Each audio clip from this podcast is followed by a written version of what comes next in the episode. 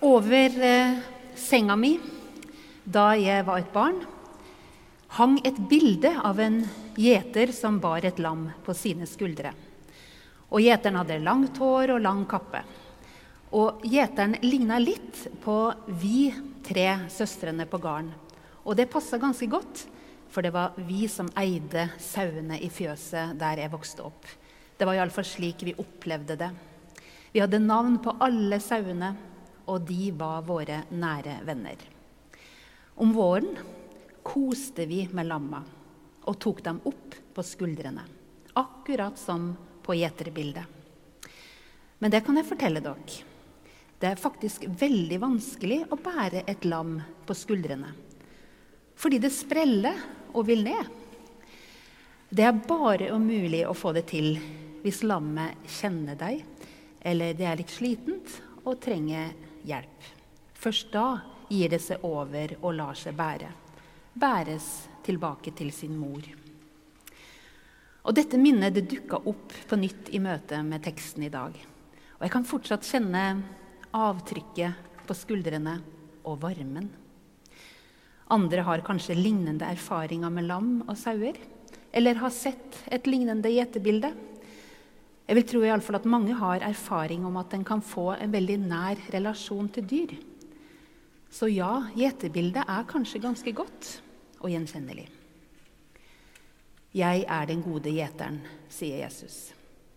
Ja, for det var jo det bildet på barnerommet skulle fremstille. Jesus som gjeteren. Som den trygge gjeteren som vil verne, som vil bære, som vil være nær. I Jesus-utsagnet kan en legge vekt på ulike steder, og det gir mening på forskjellig vis. En kan legge vekt på begynnelsen 'jeg er'. Og Når Jesus starter en setning med dette, så har det en gjenklang helt tilbake til fortellingen om Moses. For der presenterte Gud seg ørkenen på det viset 'jeg er'. Så når Jesus gjør det samme, er det en sterk selvpresentasjon om at han er nært forbundet med denne guden fra langt tilbake. Ja, at han er Guds sønn. Og flere slike utsagn fins i hele Johannes-evangeliet. Jeg er døren, jeg er veien, jeg er lyset. Alt peker på noe veldig vesentlig om Jesus. Så kan en legge vekt på gode gjeteren. Gode kontra en dårlig. Og Jesus nevner at en dårlig gjeter vil flykte når faren truer. Men det gjør ikke en god en. Nei, den gode vil ofre seg helt. Fordi han kjenner flokken sin og har omsorg. Slik får Jesus sagt noe om hvilken relasjon han har til oss menneskene. At han elsker menneskene så høyt at han er villig til å ofre alt. Og etter påskehøytiden vet vi noe om hva det betyr og hva det innebar. Til sist kan en legge vekt på ordet 'gjeteren'. Jeg syns det er litt vakkert at Jesus sier at han er en gjeter. Vi må ikke glemme at gjeterne var de første menneskene Jesus traff da han lå der i sine mors armer. Og I juleprekener så blir jo gjerne gjeterne framstilt som litt enkle folk som levde ute og som på tross av dette var verdige til å være de første vitnene om at Gud ble menneske.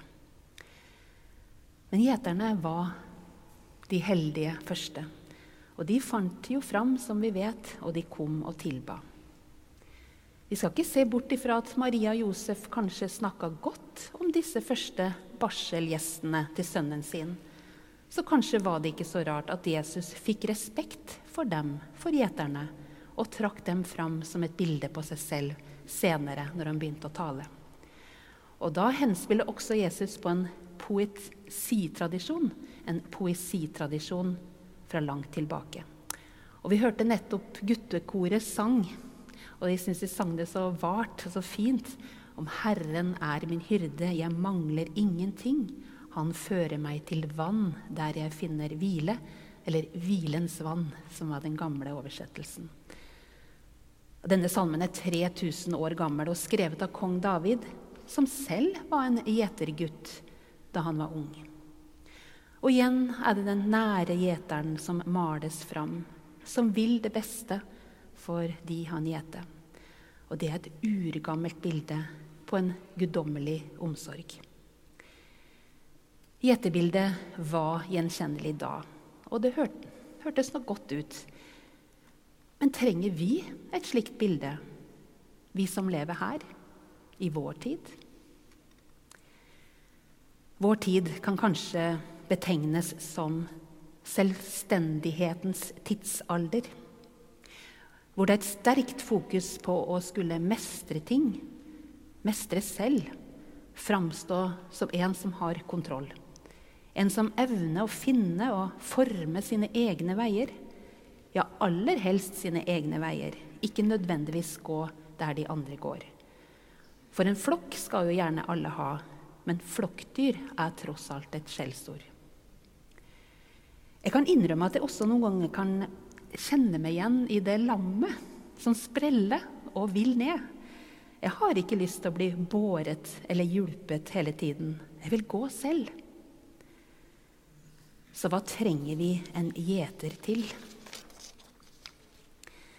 Jeg tror det er viktig at vi minner hverandre om at det allerede er mange gjetere i vår tilværelse.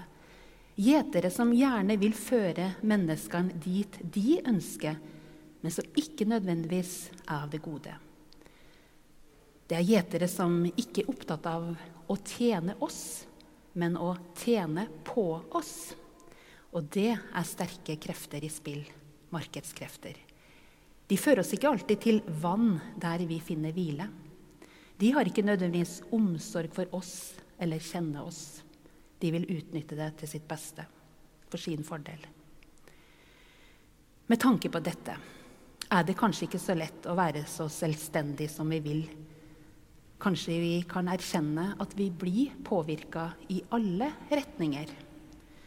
Det kan være lett å gå seg vill, også i vår tid, selv om vi vet og er informert om så mye. Vi kan gå oss vill i tankeforestillinger om at vårt menneskeverd vurderes etter hva vi kan prestere, hva vi kan kjøpe eller hva vi kan levere. Det kan være lett å gå seg vill i selvmestringens mulighet. Å bli ført til et vann som kan gi oss hvile. Jeg tror det er et aktuelt bilde også nå, flere tusen år etter at det først ble talt. Å bli ført dit, til hvilens vann kan handle om å bli leda til en erkjennelse om at vår verdi er forankra i noe utenfor oss selv Guds kjærlighet. Hvilen handler om å bare være. Være den vi er skapt til. Det er godt nok. Så får Gud gjøre resten. Hvilens vann. Dåpens vann. Den kristne tros omdreiningspunkt er å erkjenne at vi trenger noen utenfor oss selv. Og at vi alle bærer noe av hverandres liv i våre hender. Det er et ansvar og en mulighet. Jeg tror den gode gjeteren er et forbilde for oss. Et forbilde for diakoni. Et forbilde for Kirkens oppdrag i verden om å samle og føre menneskene til det som er godt. Verne og forsvare menneskerettigheter det handler om å se alle som en del av en flokk, og samtidig se hver enkelt, også den som ikke trives så godt i å være i flokken. De som kanskje trenger å bli båret litt ekstra. På en alterring som jeg nettopp så et bilde av, Silkeborg kirke i Danmark, har en kunstner laga et bilde av en som bærer. Og det er Kristus som bærer. Og vi kan se tydelig lammet på skuldrene. Men også konturene av at han bærer på et kors. Og slik kobler kunstneren to fortellinger fra Bibelen sammen og får fram at Jesus sin korsdød er en omsorgens og kjærlighetens handling til menneskene. Gud vil bære oss. Og alt dette fordi han kjenner oss og vet at vi ikke ville ha klart alt dette alene. Alt dette fordi han ikke flykter bort fra det onde når det onde truer. men går det i møte og kjemper imot. Og slik åpnes og vendes bildet om lammet og gjeteren. Bildet blir til du, Guds lam, som bærer verdens synder. Gi oss din fred, gi oss din hvile. Og det bildet skal vi synge om ikke så lenge. Og det bildet skal vi motta når vi tar imot brødet ved bordet som dekkes for oss. Ære være Faderen og Sønnen og Den hellige ånd, som var og er og blir, en sann Gud fra evighet og til evighet. Amen.